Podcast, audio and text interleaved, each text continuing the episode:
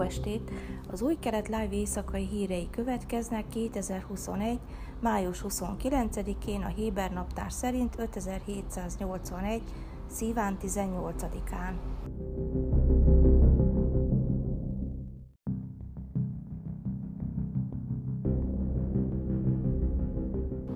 Benny Gantz védelmi miniszter pénteken a 12-es csatorna beszélgetős műsorában egyértelművé tette, hogy nem bízik Benjamin Netanyahu miniszterelnökben, és nem csatlakozik a kormányához. Gánc a Nemzeti Vallásos Jamina elnökével, Naftali Bennettel folytatott legutóbbi találkozójáról annyit árult el, hogy egy jó és rövid megbeszélés volt – Beszéltünk a lehetséges opciókról. Bennett nagyon jelentős úton jár, mind magán, mind politikai értelemben, és el kell döntenie, hogy rálépje a változást hozó kormány útjára, amely valami újat és jót fog tenni Izrael állam számára. Tette hozzá Gánc. Péntek esti riportok szerint Bennett belement, hogy a centrista Jesatid vezetőjével, Jair Lapiddal közösen egységkormányt hozzanak létre, leváltva Netanyahu-t. Arra a kérdésre, hogy hisze Benedben, Gánc azt válaszolta, hiszek, emlékeztetek mindenkit arra, Netanyahu mellett én voltam az utolsó, aki ezt megtapasztalta. Gánc a pénteki interjú során megismételte, hogy nem hoz létre új kormányt Netanyahu-val. Nem fogok egyesülni Bibivel. Ennek a történetnek vége. Sajnálattal mondom ezt, sajnos lehetetlen bízni Bibiben, legyen szó bármilyen megállapodásról. Ami Izraelben történik belpolitikai téren, és ami az utcán történt, évek hanyagságának eredménye, hangsúlyozta Gánc, Netanyahu becenevét használva. Arra a kérdésre, hogy elutasítaná-e Netanyahu arra vonatkozó ajánlatát, hogy első lehet a miniszterelnöki rotációs megállapodásban, nem hiszek ennek a férfinak, már nem hiszek neki. Azt kérdezitek tőlem miért, nem tudom megmagyarázni, egyszerűen csak tudom, hogy nem hihetek neki. Úgy gondolom, hogy a választások nem jók az ország számára, ezért megteszek mindent a változás kormány megalakulásáért. Válaszolta Gánc. A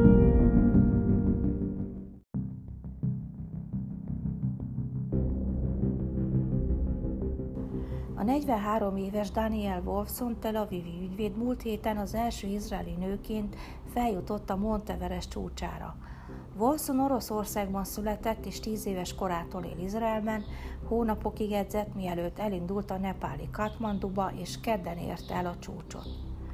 Örülök és büszke vagyok arra, hogy én lehetek az első izraeli nő, aki eljutott a csúcsra, írt a Facebook oldalán a 8849 méteres hegymászás teljesítése után.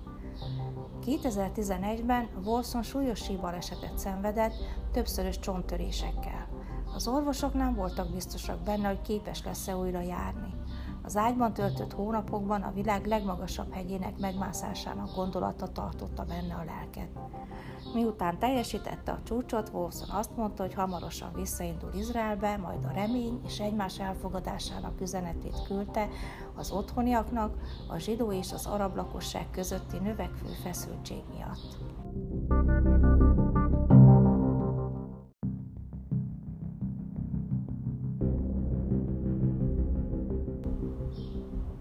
Hétvégi hírösszefoglaló a Genfi székhelyű Egyesült Nemzetek Szervezetének legfőbb emberi jogi testülete csütörtökön úgy határozott, hogy nyitott végű nemzetközi vizsgálatot indít a zsidó állam a palesztinokkal szembeni bánásmódja miatt.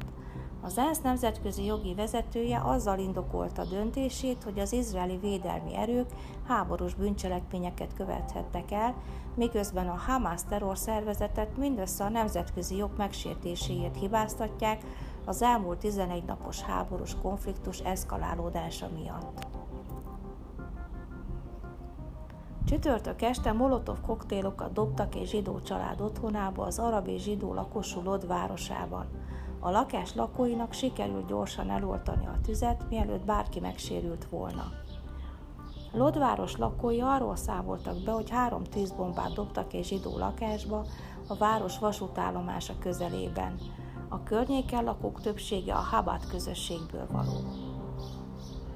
Anthony Blinken amerikai külügyminiszter a héten Jeruzsálemben tett látogatásakor figyelmeztette az izraeli vezetőket, hogy a palesztin családok Kelet-Jeruzsálem Seit Jarrah negyedéből történő kilakoltatása vagy a templomhegyen folytatott további zavargások újbóli feszültséget, konfliktusokat és háborút indíthatnak el. Blinken szerint utazása legfontosabb aspektusa az volt, hogy közvetlenül Izraeltől és Egyiptom révén közvetve a kázai övezetet uraló Hamas terrorszervezettől azt hallotta, mindketten fenn akarják tartani a tűzszünetet. De az is fontos, hogy kerüljük a különféle akciókat, amelyek akaratlanul vagy sem újabb erőszakot idézhetnek elő, tette hozzá Blinken. Az izraeli védelmi erők arra figyelmeztetett, hogy a falak őrzője hadművelet taktikai és stratégiai győzelme ellenére a gázai övezetet uraló Hamasszal folytatott legutóbbi harcok nem biztos, hogy tartós elrettentést eredményeznek. A 11 napig tartó harcok során a Hamas nagy veszteségeket szenvedett. Izrael számos vezető operatív ügynökét megölte, köztük kutatási és fejlesztési szárnyának több kulcsfontosságú tagját és légicsapásokat mért, mint egy három tucat rakétagyártó létesítményre, ami sokkal nehezebbé teszi a terrorcsoport arzenájának feltöltését. Abbas Kamel, az egyiptomi hírszerző szolgálat igazgatója vasárnap Izraelbe látogat, hogy tárgyalásokat folytasson a gázai tűzszünet stabilizálásáról, nyilatkozták izraeli tisztviselők a Valla híroldal riporterének Barak Ravidnak. Kamel találkozni fog Benjamin Netanyahu miniszterelnökkel, Meir Ben Sabat nemzetbiztonsági tanácsadóval és más izraeli biztonsági tisztviselőkkel. Egy vezető izraeli tisztviselő azt nyilatkozta Ravidnak, hogy az egyiptomiak egy olyan tervet akarnak előmozdítani, amely magában foglalja Gáza újjáépítését, az izrael és a palesztin hatóság közötti tárgyalások folytatását, valamint a gázai jövezetet uraló Hamas terrorszervezet birtokában lévő két elesett izraeli katona és két izraeli állampolgár ügyének megoldását.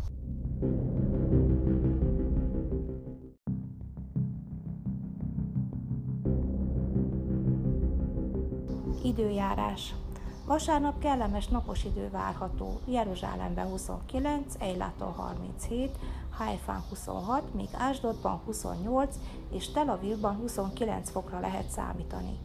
Ezek voltak az új keret live hírei május 29-én szombaton, Shavuatov.